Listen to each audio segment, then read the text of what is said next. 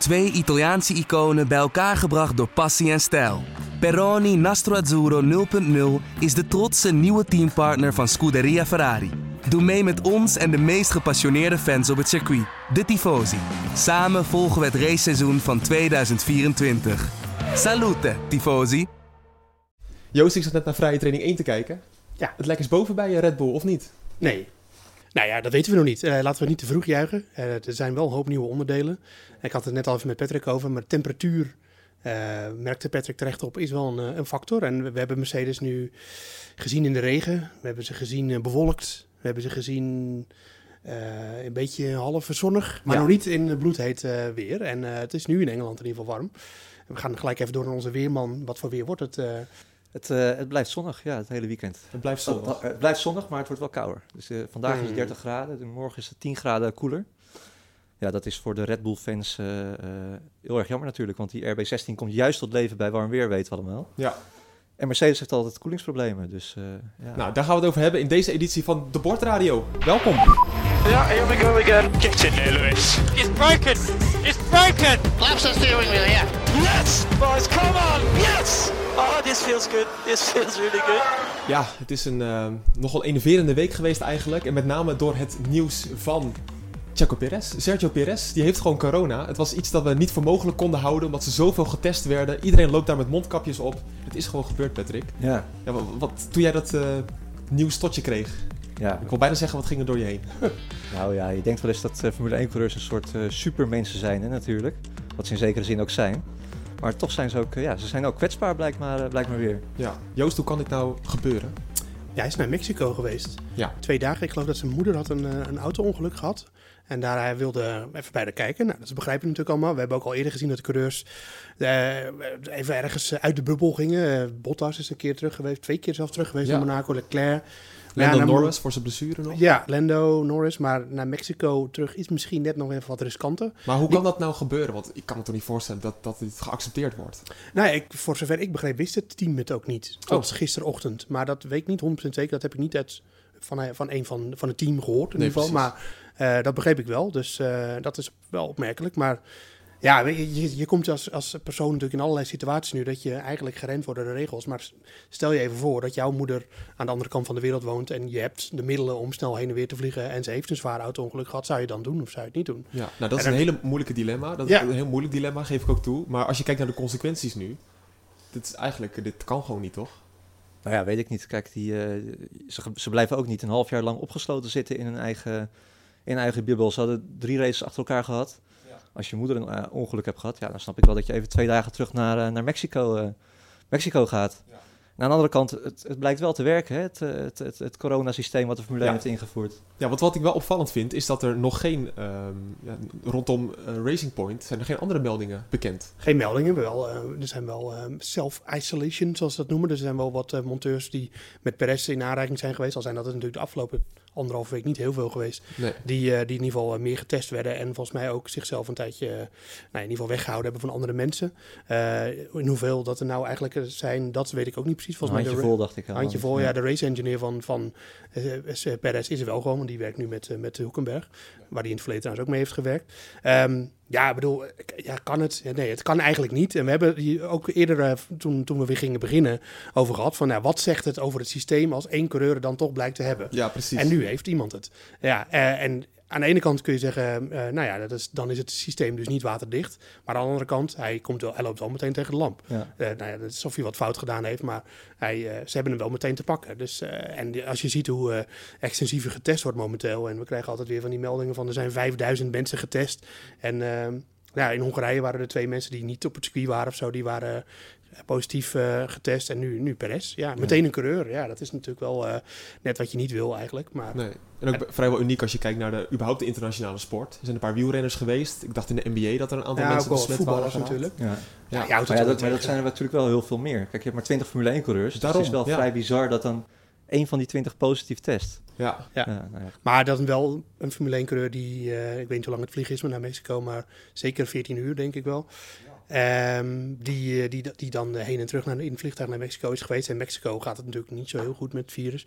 Dus eh wie weet nog een tussenlandingje in de Verenigde Staten. Je weet het nooit. Dus eh, ja, ik bedoel, dat is natuurlijk wel een extreme omstandigheid.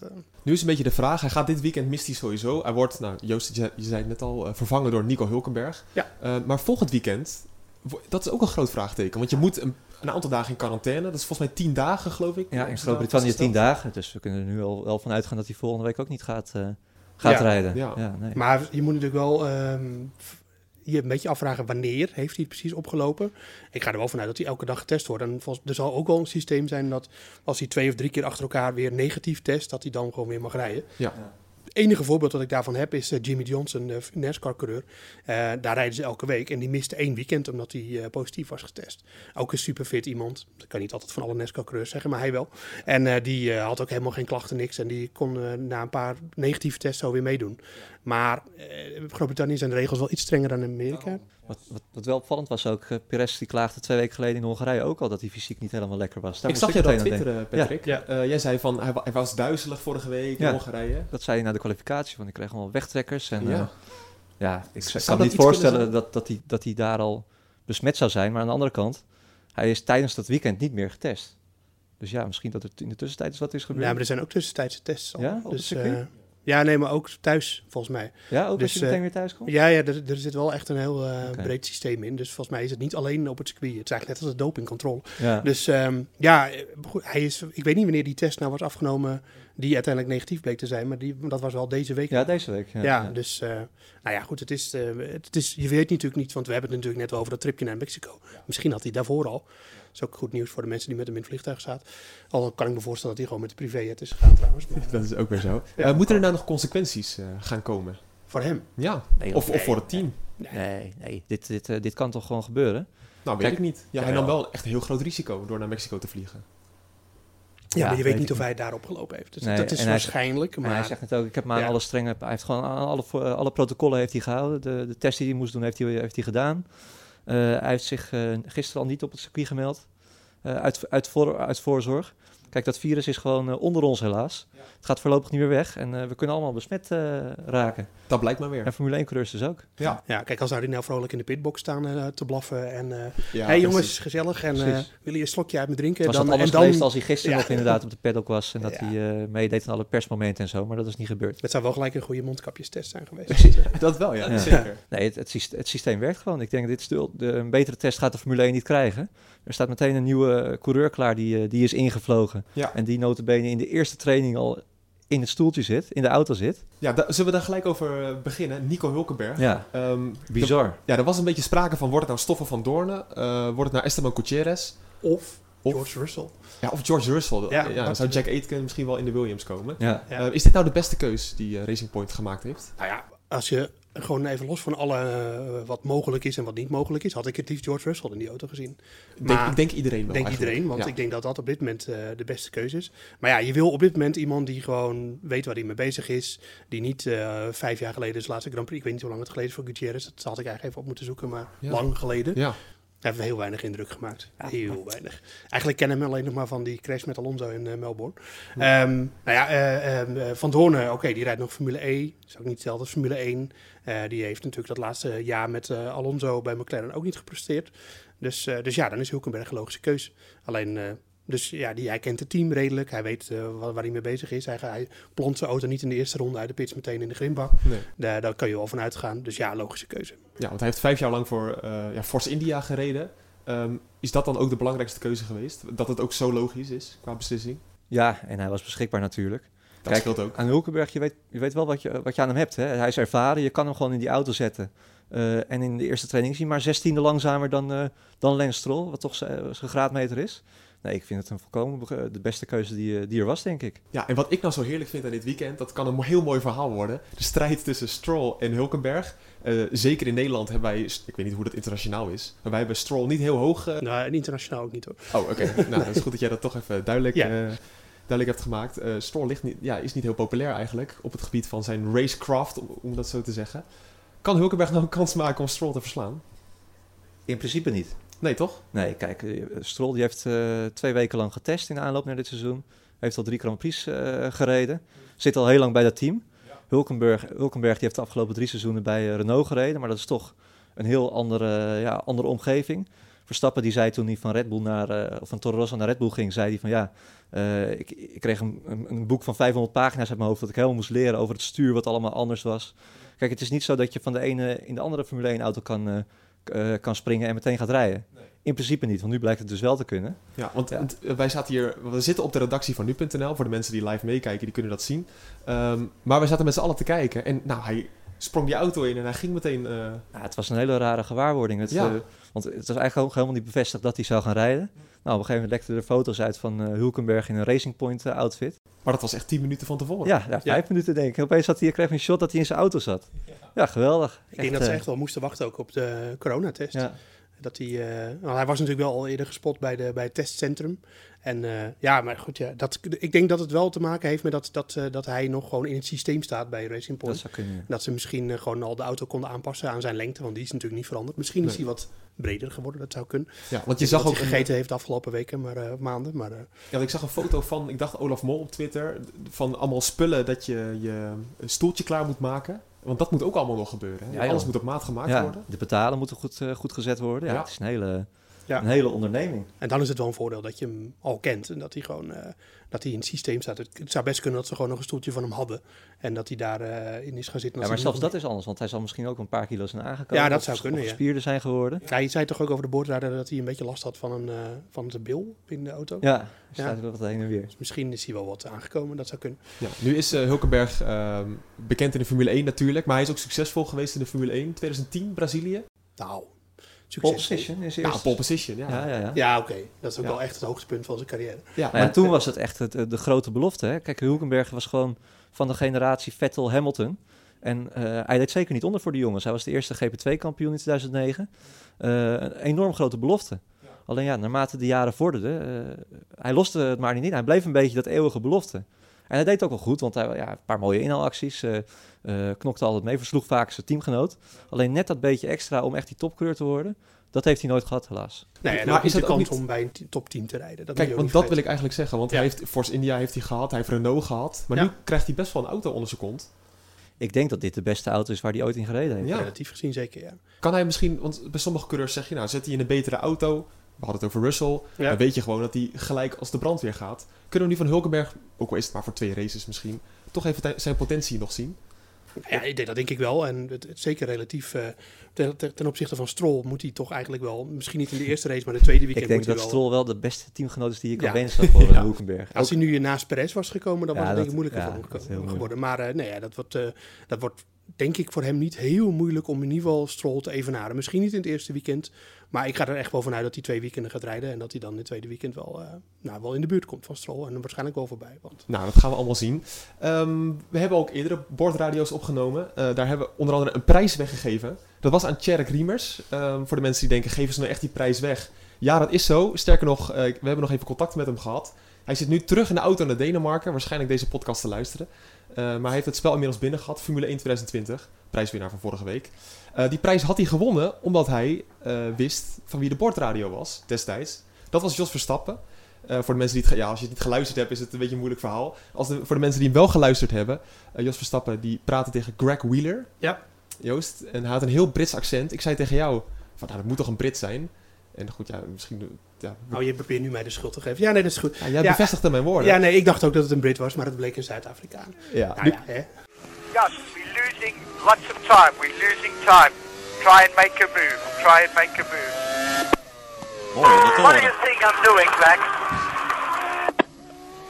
Nu kregen wij een mailtje van eh, Leonard Gommans uit Maastricht. Eh, Leonard, dankjewel voor het mailen. Hij zegt, jongens, eh, het is helemaal geen Brit, het is een Zuid-Afrikaan. Ja.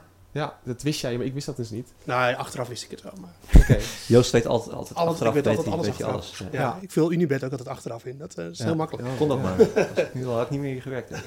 Het leuke van Leonard is ook, hij zegt Greg Wheeler woont tegenwoordig in Australië en is als technisch directeur verbonden aan Eurasia Racing. Eh, Hoe? onder, ja, Eurasia Racing. Oh, Jury. In de WEC en de LMP2 is hij actief. Eh, verder een tevreden luisteraar, dus dat moest toch even gemeld worden. Ja. goed. Eh, altijd leuk, zulke rectificaties. Je mag altijd mailen naar podcast.nu.nl of reageer op een van onze tweets, de Bordradio. Dan komt het altijd goed. Gaan we even door met uh, Max Verstappen, natuurlijk. Ja. Ehm, ik zei net voor de gein al een beetje, het lek is boven. was met een kleine sarcastische ondertoon. Maar ze hebben natuurlijk zoveel problemen gehad. Ehm, wat kan er nou veranderen op Silverstone, Joost? Nou, Silverstone is ehm, op zich een, heel, een circuit waarvan je, als zou, als je nu uh, het invullen voor zondag, dan vul ik in dat Mercedes 1 en 2 uiteraard, maar dat dat ook echt een baan voor hun is. Want ze hebben een auto die aerodynamisch heel efficiënt is en ze hebben ogenschijnlijk de sterkste motor, beste chassis. Nou ja, noem maar op. Dus die, uh, het gat uh, kan wel eens heel groot worden. Alleen Verstappen zei dat, merkte dat er zelf ook terecht op. Dan, uh, dat dachten we vorig jaar ook. Maar toen zat ik eigenlijk best wel dicht bij de Mercedes. In, in de kwalificatie in ieder geval. Ja. Um, dus ja, wat dat betreft wordt, is het wel echt een, een belangrijk meetweekend voor, voor Red Bull. En ze hebben een hele hoop nieuwe onderdelen mee, begreep ik. Die gaan ze niet allemaal tegelijk testen, maar ze zijn heel erg aan het zoeken. Wat ook wel weer een beetje een indicatie is dat het toch echt wel een groot aerodynamisch probleem is. Ja. Um, nou, daar hebben we het in de eerdere podcast al over gehad, wat er nou precies aan de hand is. Nou ja, dat, daar hebben we het trouwens niet over gehad, want dat weten ze zelf nog niet. Maar wat, uh, wat in ieder geval de gevolgen van die problemen zijn, dat die auto instabiel is. En dat uh, Albon zei dat hij undrivable was. Verstappen heeft dat ook een paar keer, nou ja, bijna gezegd. En in, zeker in de regen in Hongarije was het uh, een drama. Ja. Um, dus ze zijn heel erg op zoek, maar ze hebben wel al... Uh, ze, ze, zijn wel mee aan de slag. Want er, zijn, er is een nieuwe achtervleugel, er was een nieuwe vloer, leek het. En een nieuwe diffuser, allemaal dat soort dingen. Ja, je nu, nog wat zeggen? nu gaf Dr. Helmut Marco gaf een interview. En hij zei um, tegen een of andere Duitse Zeitung... Zei, we zijn de oorzaak op het spoor, maar we hebben nog het een en ander achter de hand... wat betreft de aerodynamica. Onderdelen die onze recente problemen zouden moeten verminderen. Ja, ja. Ja, ja. Maar dat is toch... ik heb altijd bij Red Bull het idee, dit wordt altijd elk weekend gezegd. Moet weet je, je wel. moet je ook wel zeggen, ja. Kijk, Ja. eh, als ik Helmut Marko was, dan zou ik gewoon voorlopig even helemaal geen eh, interviews meer geven. En eh, eh, ja, laat het maar op de baan zien, weet je wel. Dan kan het ook nooit tegenvallen. Want misschien dat er nu weer allemaal mensen voor de buis zitten die denken van... hé, hey, Verstappen gaat zondag eh, die Mercedes even aan gort rijden. Ja, en dat gaat... hoe dan ook niet gebeuren. Nee, nee, nu was er vorig jaar ook... eh, nou, wat je, daar refereerde, je net al aan, Joost. Ehm, Red Bull stond er toch niet super goed voor. Maar toen ging het toch in die wedstrijd heel erg goed. In Oostenrijk. Nee, sorry, in de Silverstone. Ja, oh nee, ik wilde eigenlijk dat even eh, aanhalen van Oostenrijk. Want toen hadden ze een nieuwe voorvleugel mee. En toen Ja. ging die auto heen als de brandweer. Dus dat, het is meer een, een indicatie dat het wel kan. Weet je? Dat je een auto wel kan rechtzetten. En, eh, en eh, ja, ik wijk een beetje af van je draaiboekje. Maar eh, dus, dus, dus, dus wat dat betreft, daar kunnen de mensen wel hoop aan, aan vastknopen. Weet je? Dat, je, dat je een auto kan rechttrekken met bijvoorbeeld één simpel onderdeel. En dan heb je het misschien nog steeds niet het probleem gevonden. Maar dan heb je het wel opgelost zonder dat je het wist eigenlijk. Dat, daarom zijn ze ook van alles aan het proberen. En dan kom je af en toe kom je wat tegen. Ja, nou, mag ik dan terug naar mijn draaiboek? Ja. Ja, heel goed. Want eh, in mijn draaiboek staat namelijk ehm, het gevecht tussen Max en Charles Leclerc. Max Verstappen en Charles Leclerc. Eh, vorig jaar. Ik wil even meenemen naar een van de mooiste inhaalacties. Ehm een van die inhaalacties werd de inhaalactie van het jaar. Maar ik had het toch een mooiere gevonden die ik eh, ja, toch wat sympathieker vond. Komt ie aan. As into the pits comes Charles Leclerc, and into the pits comes Max Verstappen. Let's see, it's uh, Leclerc who stops first. On go the medium compound tyre. That's a U set. On go medium for Max Verstappen as well. And look, they're now wheel to wheel down the pit lane, but Verstappen has actually got about a metre advantage, and they have swapped round in the pits. It was all down to the work of the pit crew. Verstappen gets ahead of Leclerc. Ja, ik vond het persoonlijk een van de mooiste inhaalacties van het seizoen. Omdat Formule 1 niet alleen om de coureur draait, maar ook om het team. Teamsport, ja. En wat Ja. er hier gebeurde is dat Max en, eh, en Charles reden achter elkaar. Maar in de pitstraat wisselden ze van positie, omdat Red Bull een veel snellere pitstop had. Ja. Dit is toch het ultieme... Je weet ook wat er twee bochten verder gebeurde. Dat weet ik ook. Ja. Eh, uiteindelijk kwam Leclerc er gewoon weer voorbij natuurlijk. Ja, dat Eh, eh, op koude banden Verstappen even wijd ging. ja. Maar dat Ja. vergeten we even. Dat Ja. vergeten we even voor dit verhaal. ja, nu las ik ook dat... ehm, ik wil, wat ik eigenlijk hieraan wilde toevoegen is dat Red Bull is dit seizoen heel snel met pitstops. Altijd eigenlijk. Ja, dat is sowieso een, eh, altijd. Specialiteit, ja. Maar ze hebben nu een nieuw stukje olie gevonden, waardoor ze nog sneller pitstops eh, kunnen, ja, kunnen, kunnen maken eigenlijk. Eh, hoe belangrijk is dat nou eigenlijk, zo'n pitstop? Want het gaat vaak om twee, drie tiende. Nou ja, je ziet het hier wel. Het kan, het kan gewoon het verschil maken. Ja. Misschien een beetje een cliché, maar ja, het, eh, het gaat om tieners in de Formule 1. Honderdste soms. Ja, nee, dat, dat is heel belangrijk. Eh, ook bij Toro Rosso. Ik weet nog dat Verstappen bij Toro Rosso reed. Daar hadden ze dat niet zo, eh, niet zo goed voor elkaar. Ja, daar, daar verloor hij gewoon drie, vier seconden altijd ten opzichte van de... Of altijd, regelmatig ten opzichte van de, de, de, de andere teams. Dat was altijd een heikel punt. Ja, nee, het is heel belangrijk dat, Ja. eh, dat, je- dat je snelle pitstops maakt. Zeker op, op circuits waar je niet goed kan inhalen, dan gaat het tegenwoordig heel veel over de undercut en de overcut. Dus dat je eerder naar binnen duikt en dan op nieuwe banden ehm, eh, snelle tijden rijdt en dan voor je concurrent weer de baan op. En daar, ja, als je dan geen goede pitstop hebt en het scheelt net eh, een half seconde of zo, dan, dan is dat voordeel wat je daarmee kan behalen is weer kwijt. Dus, eh, dus ja, nee, het is ontzettend belangrijk. Het is geen wapen waar je nou uiteindelijk eh, wereldkampioen mee wordt op zich. Maar het Nee, zijn allemaal van die kleine details die je op orde moet hebben. Ja, want ik zei het ook. Want natuurlijk, de, de vraag is logisch. Hè, of het antwoord is logisch. Dat een pitstop heel belangrijk is. Maar het gaat vaak om die paar tiende. Ja. Dus eh, soms honderdste. Ja. Dat gaat het verschil niet maken. Maar het complete plaatje, zeg jij dus Joost? Ja, ja, dat is, eh, hoe noemt eh, Toto Wolff dat ook altijd weer, marginal gains. Als je, als je alle kleine dingetjes eh, en overal weer wat van afslijpt, dan, dan word je uiteindelijk in totaal word je sneller. En Red Bull heeft nog een hele hoop dingetjes waar ze even met de slijpel aan de gang moeten. Maar de pitstops hebben ze op orde, dus daar hoeven ze... Maar ja, dan moet je ook niet stil gaan staan, want als ze dat nu denken van, nou, oké, dit hebben we op orde. En Ja. ze kijken er een jaar niet naar om, dan is Mercedes in één en weer voorbij. Dus, want we hebben ze de afgelopen jaren steeds sneller. Het is ook wel leuk hoe ze dat oefenen. Hè? Soms als ze op de fabriek aan het werk zijn, dan Ja. wordt er gewoon een, een bel geluid. En dan wordt er met z'n allen moeten ze dan eh, snel naar het, eh, het, het werkhok eh, rennen. Dan gaan ze een pitstop oefenen. Ja. eh, wel leuk. Ik heb in de Red Bull fabriek hebben ze zelfs een, een elektrische eh, RB14 is het denk ik of zo. En dan, eh, die, komt dan, eh, die kunnen ze dan rijden, er zit dan iemand in en dan eh, komt hij gewoon aanrijden. Dan hoor je niks, dat ziet er heel raar uit. En dan kunnen ze daarmee, eh, elke, elk team heeft gewoon een eigen pitbox, zeg maar, of pitplek in de, in de fabriek, waarmee ze dat testen. Dus eh, dat is eh, wel serieuze, serieuze, en, en het leukste is eigenlijk, 's ochtends gaan ze ook een warm-up doen. Ja, Dat, is echt, dat ziet er een beetje koddig uit, moet ik zeggen. Maar dan zie je van die monteurs die je dan staan met de handen omhoog. En, eh, maar ja, als het helpt, dan helpt het. ik zat even, we kregen een vraag binnen. Ik kon de naam even niet vinden. Sorry daarvoor, maar als je de vraag hebt ingestuurd, dan weet je het van jezelf wel. Ehm, de mensen die aan de sleutel of aan de auto hebben gesleuteld van Verstappen vorige week, zijn dat nou ook de mensen die de pitstops doen? Voor een deel. Voor een de, deel. De, de, de, pit, de pitstop crew wordt gewoon eh, uit alle monteurs. Wordt die ge, en meestal zijn het ook bijna wel alle monteurs. Maar sommigen zijn net iets geschikter voor dit of iets, iets geschikter voor dat. Als je heel lang bent bijvoorbeeld, dan moet je denk ik niet op je knieën gaan zitten bij een wiel. Hm. Maar eh, eh, ja, ze hebben bijvoorbeeld bij Red Bull hebben ze één zo'n hele brede gast. En volgens mij eh, loopt die ook altijd met de, de banden in zijn handen snel naartoe. Want dan Oh ja. die kan makkelijk zo'n zo'n wiel tillen. Ehm, dat zijn allemaal van dat soort. Ja, ze hebben een eigen rol, maar het zijn gewoon de monteurs. Ja. Ja, want het is niet dat iemand voor die twee seconden van Verstappen even wordt ingevlogen per Nee, dat- in. NASCAR doen ze dat wel. In NASCAR hebben ze allemaal oud-atleten, een hele pool. En ja. daar, daar, Voetbalspelers ook, toch? ja, American voetbalspelers. En die, eh, die, eh, dat zijn gewoon, dat is de pitcrew. En die komt alleen op zondag en dan gaan ze weer naar huis. Maar dat, Oh, zijn, dat, dat zijn er ook wel iets, iets, dat zijn er een stuk minder dan in de Formule 1. Die aan Ja. de sleutel zitten te- of aan zo'n auto zitten te sleutelen. Formule 1 is veel groter. Volgens mij staan er wel 30 man om een auto heen op een gegeven moment. Ja, bij, bij NASCAR mag je zeven man over de muur hebben. of Ja, zo. Maar dat, dat zijn wel echt... eh, maar ja, die, dat zijn echt echte cracks zijn dat hoor, moet ik zeggen. Dat gaat ook Ja, wel precies. Maar verklaart dat dan ook soms het verschil tussen de teams? Want je kan natuurlijk een heel team samenstellen om een pitstop heel snel te doen. Maar die eh, mensen van de pitstop moeten ook goed kunnen sleutelen. Zeker. Kijk, en de topteams zijn ook topteams omdat zij de beste mensen in, eh, in dienst hebben. Het gaat Ja. niet alleen om de, om de coureurs. Nee, het hele, het hele pakket is, eh, is het beste.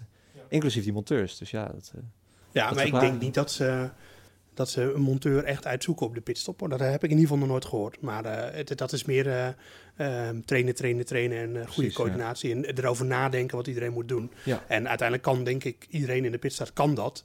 Alleen, het is net hoeveel aandacht je daar aan besteedt of kan besteden je, als hebt, team. je hebt ook de reservekrikman. Hè? Dat is, die heeft, Ja. heeft nog nooit wat te doen gehad. Maar er staat altijd, en moet je maar eens opletten, er staat altijd één iemand met een reservekrik achter de auto.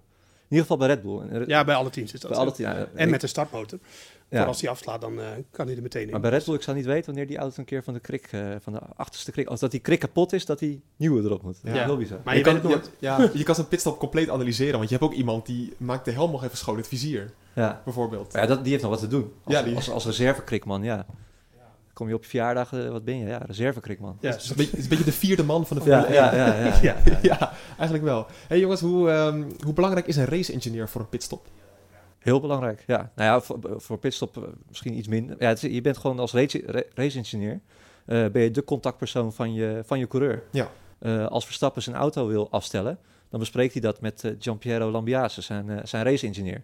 Ehm, ja, alles waar Verstappen mee zit, bespreekt hij met hem en hij koppelt, zijn engineer koppelt het weer terug naar de monteurs. Ja, Maar En voor dat- de pitstop eh, was de vraag letterlijk. ja, ja ik wilde eigenlijk gewoon een bruggetje maken naar race-engineers. Ja. Oh, want, ehm, Hoe belangrijk is de race engineer? ja, want eh, ja, jammer, ja, hele draaiboek weer gebouwd ja, natuurlijk. eh, het, het rijboek van jou, Ja, flikker, dat weg. Ja, ja, Ja. precies. Ik stop in het draaiboek. Eh, Nee. wat- maar wat wel in het draaiboek staat, is Ja. dat eh, Alexander Albon een nieuw race-engineer Ja. heeft.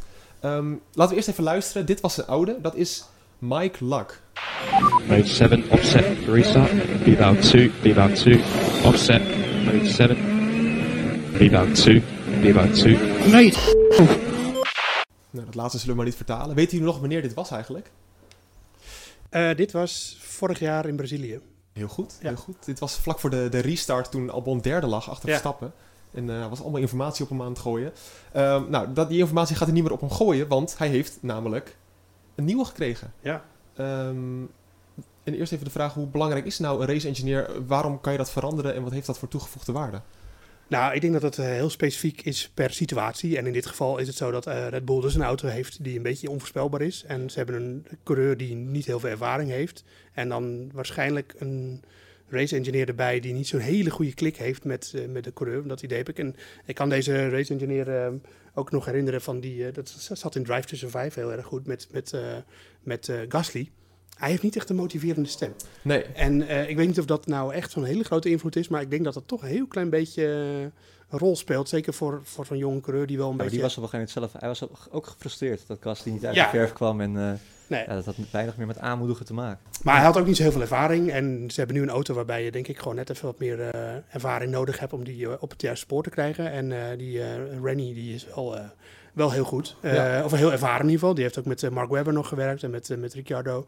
En dus, nou ja goed. Kijk, bedoel, we kunnen van tevoren al zeggen, nou dat gaat ze heel erg helpen. Maar dat weten ze natuurlijk bij Red Bull zelf ook niet. ja. Maar ik snap de keuze wel. En ja, Want allereerst, want je zegt eh, Simon Rennie, dat is de, de nieuwe man die wordt ingevlogen. Ja. Eh, dat is eigenlijk iemand die na Ricciardo in 2018 terug naar de fabriek is gegaan. ja. Ehm, maar hij keert nu, de- nu dus terug. En de, de stem, misschien herken je hem wel, dat is deze stem. Komt hij aan? Come on, you need to pick it up, otherwise we're not going to get another lap. Let's go. There's no point me running, Get on with it. punching a hole. Get on with it. Let's at least go one for one. We'll get, go on the next one. Ook een kleine quiz- quizvraag. Wanneer was dit? Was dit in Oostenrijk? Dat was in Oostenrijk, ja. Ja. En wat gebeurde er toen? Met die toe van Verstappen toen, of niet? Ja. Ja, knap hoor. Oh, ja, ja. Knap hoor, Patrick. Ja, ja toen zaten ze, volgens mij Verstappen reed vooraan. Maar die moest de positie teruggeven, maar dat ging je niet Oh ja, doen. dat is niet Ja. zo. Want ze hadden toen elk, om de race hadden ze een afspraak om die toe te geven. Ja, dus ja. dan krijg je een, wat meer snelheid op de rechte Dat was toen nog eh, bij Red Bull nog echt een duel was in de kwalificatie tussen de twee coureurs. Ja, Mooi nou, was die tijd. dat hoeft Simon Rennie nu niet meer te doen in ieder geval met Albon en Verstappen. Ehm, wat wordt zijn invloed nou op het team? Want eh, hij heeft heel veel ervaring. Hij heeft ook Mark Webber nog naar een titel geleid. Eh, of een, eh, nou, dat had Mark Webber. Mark Webber... ja, sorry, helemaal niet zelfs. Nee, nee. Hij zat er wel in is- 2013 bij. Ja, het laatste seizoen van Webber. Dat was hij erbij. Toen werd Vettel kampioen dus. Ehm, maar, eh, nou ja, goed. Kijk, als je het kampt met een auto die je niet helemaal wil... En, een, en je hebt een ervaren race engineer die op het circuit erbij is... en dan toch tot in detail... en dat kan hij in de fabriek uiteindelijk ook allemaal lezen Ja. en doen en eh, terugvinden... maar dat is toch anders. Nu is hij wat meer hands-on. Eh, ik denk dat als, dat als er een probleem is met de auto... en je wil uitzoeken wat er aan de hand is... dan heb je ervaring nodig. Ja. En iemand die goed weet wat hij doet. En als zij denken dat hij dat beter kan... ja, dan helpt dat. Ja, Ja, nou, dan gaan dat we is wel simpele, saai antwoord. Maar Ja, Ja, het is, ja, het is wat ik zeg, hè, ook een soort contactpersoon tussen de coureur en, eh, en, de, en de, de kliek, de monteurs die, eh, die over, ja, over die auto gaan. ja. Nou, nu we het toch over race engineers hebben, eh, kijk ik toch even weer naar het draaiboek. Eh, ik heb een klein quizje voor jullie, dacht ik. Jullie weten hier helemaal niks vanaf, maar ik heb het toch voorbereid. Ehm, raad de race engineer. Ja, met de coureur of de naam zelf? Want ik- de namen van die race engineer zelf, die weet ik niet. Jullie zijn Formule 1-kenners, Joost. Ja. Jij zegt altijd dat je Formule 1-kenner bent. Dat zeg jij altijd. ja, dat is wel waar. Eh zullen we beginnen? Ja, Komt hij de eerste? is het geluid? Met geluid? Driver swap, driver swap. Turn 4, driver swap, turn 4. Use anti-deploy middle sector, use anti-deploy middle sector, get close to him. Mate, I've run up a Het is uh, Grosjean natuurlijk. Nee. Nee. Oh, je zat heel vroeg met je vinger omhoog. Ja. Is het Maar, nee, dat is niet Grosjean. Nee, volgens mij is dit een van... Hij werkt bij Sauber, volgens mij. Je had het er letterlijk net over. Oh, Gasly. Ja, tuurlijk. Ja. Je had het, daarom, Ja. Oh ja, nu weet ik het weer. Ja, ja, ja. ja. beroerd omdat je Nee, erover begon. ik, was de, de- laatst dat, eh, dat Gasly eh, in de um, kwalificatie van Hongarije, toen dacht ik van, hé, hey, heeft hij een, een Frans eh Ja. race engineer? Hij zit bij een Italiaans team, maar hij is zelf Frans en hij heeft ook een Franse race. En nu in een hoor ik het weer. Ja. Maar ik hoef al naar de naam niet te vragen. nee, ik. Pierre, ja, ik weet niet of ik het uitspreek. Pierre Hamelin. klinkt heel Frans. Ja. Ja, Pierre eh, Hamelin. Het is maar hoe je het uitspreekt. Hamelin. Ha- Hamelin. Ja. Eh, dan gaan we naar een andere. En eigenlijk het gaat ook weer om de naam, maar ook om het team en om de coureur. Maar volgens mij wordt de coureur Is vrij het snel uh, duidelijk. Bokt, Sebastian Bokt? nee? Okay, stay focused. Ja, dat is een Copy that. Shit. Can you be faster? Yes, Sebastian. P1. Enjoy the fireworks. Here is awesome, as usual. You are the lion of Singapore. Ja, over monotone stemmen. Maar je raadt het gewoon twee keer. Nou, ik hoop dat je de derde, dat die wat origineler is. Ehm, wie was dit? Ja, ik, weet, ik ken zijn naam ook niet. Ik, ik ken hem wel eh, van eh, dat ik zat met hem in het vliegtuig naar Australië. En toen eh, ehm, hij stond in de gewone rij om door de douane te gaan. Alleen toen stonden ze te kijken en hij liep met zo'n Colbertia met een Ferrari logo erop. Ja. En toen werd hij er wel even tussenuit gepikt van, hé hey vriend, want toen was Italië nog de hotspot van, van ja. corona.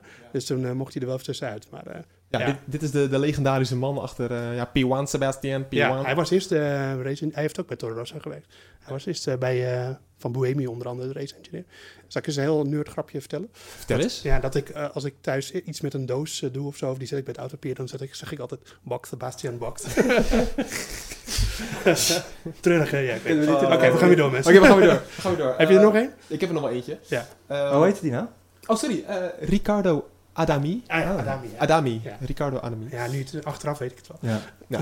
Één makkelijker, maar eigenlijk vind ik wel dat jullie de naam moeten weten van deze. Komt ie aan. Okay, we need to swap positions. No! Max, just do it. Okay, Max, you need to let him Ja, dit go is, now. eh, Swap, please. Ik weet het. Ik weet het. Xavi Pugolar Ja. bij Toro Rosso. Pegular, Pegular. Ja, Xavi Pujogar. Pugilar. Pujo- Oh, Pujogar. eh, Ja, respect, aardig woordje over de grens. Ik waarschijnlijk is het helemaal fout. Je mag altijd mailen naar podcast.nu.nl met de juiste uitspraak natuurlijk. Eh, wie was dit eigenlijk? Dat is de Catalaanse eh, engineer van Verstappen bij Toro Rosso. Rosso. Ja. En het fragment, waar ging dit over? Singapore 2015. Ja. En toen moest hij een plek eh, aan Sainz geven, maar die wilde hij niet geven. Was een geweldige race. Ja, Kijk, eh, prachtige race. Ja, Ja. dat Ja, was de race achterstand. Ja, en toen eh safety carretje. Ja, ja, was een mooie tijd. Ja, dat was een hele mooie tijd. Leuk zeg. Ehm, nou, Toen waren we nog niet, waren we niet teleurgesteld dat Verstappen als derde eindigde of zo. Nee, Nee, dat was eh, de zevende of achtste. Was al Ja, was al fantastisch. Zoiets. En nu eh, zijn is hij tweede dan denk ik, ook, oké, tweede. Weet je wel, ja. Jammer hè, die, eh, bijna die oude tijden waren We zijn verwend eh, mooi. geworden, Ja. Ehm, dan moeten we toch even door. Ja, hier heb ik geen goed bruggetje voor in het draaiboek. maar we gaan wel even door naar Ferrari, want daar is heel veel aan de hand achter de schermen. Eh, Ferrari-voorzitter John Elkann heeft gezegd... we zullen tot 2022 geen, uit, eh, geen uitdaging meer voor de Formule 1-titel aangaan. Ja. Eh, dat is eigenlijk nog wat anders van ik schrijf onszelf af voor de titel. Hij zegt we gaan gewoon niet meer voor die titel, Nee. überhaupt. Ja, Wat is dat voor uitspraak? Nou ja, een reële uitspraak in ieder geval. Kijk, het zou heel gek zijn als ze nu zouden zeggen van... ja, eh, volgend jaar staan we er wel. Ja. Of dit seizoen misschien nog. Nee, dat, eh, dat, dat kan niet. Je, mag heel eh, weinig aan die auto veranderen in het seizoen. Maar ook tussentijds kunnen ze bijna niks doen. Eh, ze zitten zo ver weg. Nee, dat, dat, dat ga je niet zomaar even oplossen. Maar ik denk zelfs dat 2022 een hele, hele opgave voor ze gaat worden.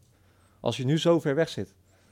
Ja, maar dan heb je wel die hele dat regelpakket natuurlijk en, en hele andere auto's. Dus nou ja, goed, daar, eigenlijk is het, kan het wat dat betreft ook een voordeel zijn. Al zie ik dat bij, me, bij, bij, Ja, maar bij qua- Ferrari niet helemaal voor me dat ze Nee. dat echt gaan eh, met twee handen gaan aanpakken. En Maar die, die, die, ja, qua motorenregels, daar veranderen ze ook niet zo heel veel. Nee. En daar zit het grote probleem. Ja. Dus ze zullen toch die motor beter moeten gaan begrijpen. ja, maar voor 2022 mogen ze wel veel meer aan de motor doen dan wat ze van dit jaar naar volgend jaar mogen doen natuurlijk. Hè. Dat is wel, eh, en nou ja, goed, ze, ze, is- ze, ze beginnen eigenlijk gewoon eh, from scratch, blanco pagina. Precies, ja. Met die nieuwe auto. Dus ja, daarin kunnen ze een verschil gaan maken. Maar En dus denk ik, van dan moet je een nieuw, fris iemand hebben, hè, die een nieuwe kijk op de auto heeft en het volledig anders gaat doen bij Ferrari. Maar ze komen aan met Rory Byrne, Ja. een 76-jarige, Ja, ja. eh, ja, die maakte vroeger al auto's voor Ferrari. Ja, die heeft eh, alle succesauto's van Schumacher eh, komen deels uit zijn pen. Ja. Ook uit die van Ross Brown, maar ook zeker uit die van hem. En ehm, hij is eh, ontzettend ervaren. En ik, ik denk dat je misschien niet helemaal moet gaan kijken naar dat hij de hele nieuwe auto gaat tekenen. Want het is niet de Adrian Newey van Ferrari. Zo moet ik het niet zien, of wel? Nee, nee, daar hebben ze wel andere mensen voor. Ehm, eh, alleen het is wel zo dat hij. Nou goed, hij is, ik bedoel, hij is 76. Hij is niet, denk ik, de man die gaat zeggen van je moet het sowieso doen. Maar ik denk wel dat hij de persoon die is die kan zeggen van dit en dit doen jullie fout. Of hier, hier werkt het niet wat jullie aan het doen zijn. Of kijk, hij is niet. die, die man weet wel hoe je een auto moet bouwen. En die, dat, gaat, dat, is allemaal, dat gaat allemaal met allerlei berekeningen en krachten hier en zo. Daar hebben wij helemaal geen idee van. Hij, is ook altijd nog wel betrokken geweest eh, bij Ferrari nog steeds. In 2017 was hij deels verantwoordelijk ook voor die eh, gloednieuwe auto. Na al die regelwijzigingen, hè, dat het eh, sneller moest en die auto's moesten breder worden. En Ferrari had toen een hele goede, hele goede auto in het, in het begin. Allerlei snufjes die later werden overgenomen door de concurrentie. Dus op zich, ja, iedereen zegt van de, de, de jonge generatie moet een kans krijgen. En eh, ja, dat, dat hebben ze misschien ook wel gedaan. Maar ja, Ja. Die, die, die pakken ze niet. ik vind het op zich eh, helemaal niet zo'n eh, gekke keuze. Nee, maar wat ik wilde zeggen over die berekeningen, toen, dat is dus wel dat hij kan dat allemaal zien. En hij ziet ook wanneer daar iets aan mankeert, waarschijnlijk. Ja. Weet je, dus dan kan hij bij, de, bij die, eh, die jongens die daar nu eh, de boel tekenen en de boel eh, ontwikkelen, zeggen van, ik zou hier even naar kijken, dat gaat volgens mij niet helemaal goed. Dus eh, het is meer doorlichting, denk ik, dan dat hij helemaal zich gaat storten op de nieuwe auto. Eh, maar ze hebben ook een hele nieuwe structuur in de zin van, ze hadden een soort vlakke structuur, zoals dat dan heet. Ik ben geen, ik kom niet van een managementcursus of zo, maar eh, waarin iedereen ideeën mocht aandragen en dan uiteindelijk koos Binotto, die was toen nog de technische baas, koos eruit wat ze gingen doen. En dat heeft een paar jaar toch wel goed gewerkt. Want inderdaad, die auto van 2017, 2018, al dan niet met een toen al niet geheel legale motor. Eh, maar qua aerodynamisch waren ze wel echt eh, koploper. Want dat dingen die gekopieerd werden van Ferrari, dat was tien jaar lang niet gebeurd. Meestal kopieerde Ferrari dingen van andere teams. Dat doen ze nu ook weer. Ehm, dus ja, wat dat betreft, en ze hebben ze nu het weer zo gemaakt, een meer verticale, zeg je dat goed, denk ik, verticale managementstructuur, dat gewoon top-down en Binotto is de baas. En die heeft dus iemand onder zich, dat is eigenlijk de hoofd van de aerodynamische afdeling, en die is weer de baas van alle anderen. Die rapporteren aan hem. Ja, dat is er veranderd. Of het gaat werken, dat weten we niet. Dat weten ze zelf waarschijnlijk ook niet. Ze Maar, moeten eh, iets. Ze moeten iets. Ze ja. moeten iets. En Ja. dat in een jaar waarin ze misschien wel eh, nou, drie eh, thuisraces hadden. Ja. Want, want de kalender is natuurlijk uitgebreid. En het is eigenlijk extra pijnlijk voor Ferrari dat het nu allemaal zo loopt zoals het loopt. Want Imola is er inmiddels ook bijgekomen. Ja. Ligt ook gewoon in Italië. Ja. Eh, die komt er op 1 november komt erbij. Samen met Portimao uit Portugal op 25 oktober. En de Nürburgring in Duitsland op 11 oktober. Ja. Wat vinden jullie van deze toevoegingen? Heerlijk, toch? Fantastisch. Ja, ja, we kunnen zo. Imola, dat eh, ligt midden in de bossen. Eh historisch circuit. En niet om, de, eh, ja, niet om de leukste reden natuurlijk ook. Senna is daar eh, verongelukt in 94. Een fantastisch circuit. Ik weet niet of we daar altijd nou de meest spectaculaire, spectaculaire races hebben gezien. Valt misschien zo. Inhalen is best wel moeilijk. Ja, ja. Ja. maar dat maakt niet uit. Het is, het is daar in de herfst. Het ligt midden in de bossen. Eh, bladeren op, de- op het asfalt. Eh, koud. Het ligt eh, best wel hoog in, eh, eh, in Italië. Ja, eh, 1 november. Chaos. Maar, de, door. maar de kans op sneeuw is dan ook misschien wel aanwezig Nou ja. Italië. Ja, zeker. Ja, En op- heeft vast al sneeuwbanden. Precies. Maar hetzelfde geldt voor de Nürburgring in oktober. Ja, Midden in de, in de Eifel ook, kan het ook altijd spoken. Eh, ja, we, hebben het, we zullen wel weer eh, op ons broek krijgen dat het niet gaat gebeuren. Maar er moet toch wel één hele leuke, absurdistische regenrace tussen gaan, eh, tussen gaan krijgen. Gaan hagel komen. erbij een beetje. Ja, toch wel? zoiets. Ja, Ja. Dat, dat gebeurt eigenlijk nooit. Het is wel heftige regen hebben we gezien natuurlijk. Of eh, zware windstoten en zo. Ja, Maar ook echt de complete chaos. Die ontbreekt nog wel eens. Ja, Ja. Nou ja, het moet ook weer niet te hard regenen dat ze dan Oh weer ja. niet gaan, eh, gaan rijden. Alhoewel, Alhoewel dat, de regenbanden van Pirelli. nee. Nee, dat is ja, waar. die, die mossoenbanden, had je dat vroeger had je nog, boven de full wets had je nog de mossoenband. Ja. Ja, dat was geweldig. Die moet gewoon weer terugkomen. Dan Die kun moet je gewoon weer terugkomen. Ja. Alleen voor deze, ja, dat zou wel leuk zijn. En dat Ja. het dan droog blijft, dat zou je dan net Ja, zien. dat zou je Maar zien. er, er- er zijn natuurlijk twee circuits, uh, Nürburgring en, en Imola met historische lading. En Portimao heeft dat niet. Maar Nee. dat, ik heb even wat onboardbeelden even gekeken. Maar het is echt een leuk circuit Ja. met veel hoogteverschillen ook. En Ja. eh, ik denk dat we daar wat minder last hebben van het weer. Wel, ik ken het klimaat niet in. Wanneer is die? Is ook in november? Ook in het zeker? najaar. 25 Ja, in oktober. eh, Portugal. Maar zal, ik gok dat het iets warmer is, want het is in Algarve. Ehm, nou ja, dat zijn zo hele leuke aanvullingen. En dat zijn echt van die... nee, die komen er nu één keer weer langs. Want ja, Imola zei wel van... Ja, we doen ons best om weer op de kalender te komen volgend jaar. Nou ja, Maar stel we krijgen daar een fantastische Grand Prix en, eh, Ja, dan kan en het snel... fan- eh, iedereen snel gaat schreeuwen. Kijk, Liberty wil ook gewoon leuke races en eh, eh, ze spraken ook al van ja, we willen liefst naar 25, 26 Grand Prix. Hm. Nou, als die triple headers een eh, goed gaan, als het toch mee blijkt te vallen met hoeveel last de monteurs ervan hebben, Ja, wie weet gaat dat het is wel echt het eh, grote probleem. Ja. Dat, eh, dat gaat de komende, het komende seizoen gaat dat een steeds grotere rol spelen. Maar ja, als Liberty, als Liberty het wil, uiteindelijk moet er geld verdiend worden met, met heel veel races. Ja. Dus eh, ja, dat, die misschien met andere monteurs moeten gaan werken of zo. Ja, je kan heel veel groepjes kan je maken met Nederland, België en de Nürburgring. Je kan, op die manier Ja. kan je heel efficiënt te werk gaan. In het, Europa de Nürburgring, die, we- die wil, hadden, ze- hadden zelf alweer voorgesteld van nou, dan gaan we gewoon weer om het jaar, wat ze vroeger ook deden met Hockenheim, Oh ja. de, de Grand Prix van, eh, van Duitsland organiseren. Ja. ja, dat soort oplossingen lijken me wel eh, reëel. ja, nu is wel nog de vraag, is dit nou ehm, heel goed voor Red Bull of niet, deze circuits? Want het zijn wel redelijk power Ik, circuits. ja, maar ik denk dat het heel goed is. Ja? Omdat er is geen, er is geen eh, het is allemaal een nieuw terrein voor alle, eh, alle coureurs, alle, alle, alle eh, teams. Ja. Dus eh, ja, en Red Bull die, die kunnen daar heerlijk op anticiperen. Mercedes die analyseert altijd alles dood, daarom zijn ze ook heel goed. Ehm, Ja. En kijk maar naar Verstappen, die, vindt die vindt het heerlijk om op nieuwe circuits te rijden, liefst met zo min mogelijke informatie. Hm. Dan komen de grootste talenten bovendrijven. Dus ik, ja, ik denk dat, dat eh, in ieder geval Verstappen hier wel blij mee is. En ik denk ook de wat kleinere teams ook. Oké, dus moeten we Red Bull dan opschrijven voor Imola, want dat wordt een, eh, we krijgen een, het weekend krijgt een nieuwe racestructuur eigenlijk. Ja. Eh, de vrijdag vervalt. Dan gaan ze zaterdag geloof ik één vrije training rijden en dan gelijk kwalificatie. Ja. Eh, dus je hebt eigenlijk amper informatie om op te teren. Wat dat, dat moet Ik een ken wel gaan team die, leveren. die waarschijnlijk wel wat meer informatie hebben hoor, daar. eh. Ja, Dat dat- we- je weet hoe dat team, het circuit eigenlijk heet. Circuit Enzo Edino Ferrari. Ja, precies. en Mugello is ook eigendom van Ferrari. Dat, dat mag dit jaar, want het, eh, ja, misschien dat ze dan een halve seconde winnen, Nee, maar ja, daar hebben ze toch niet dat genoeg gaan aan. ze nooit dichten. Maar, Dat- eh, dat is ook weer zo. Nee, ja, dat was bij, bij Zandvoort ook de bedoeling, hè? dat ze dus eh, de teams geen data zouden geven vooraf. Nee, geen data is onvoorspelbaarheid. En een Dat wil ik net zeggen, ja. Maar ik wil dat toch nog wel een keer in de praktijk echt zien hoe of dat echt zo werkt. Want Mercedes is een heel goed team om een reden. Ja. Dus het kan ook best zijn dat die daar juist weer het beste op anticiperen. Ik Ja, maar er is heel veel kritiek op de FIA dat ze niet durven te innoveren. Weet je, ze wilden een keer een sprintrace introduceren, maar daar zien ze dan toch van af. Ja, maar dat komt ook vooral door de teams hoor. Want de ideeën zijn er vaak wel. En dat zie je ook met die omgekeerde grid.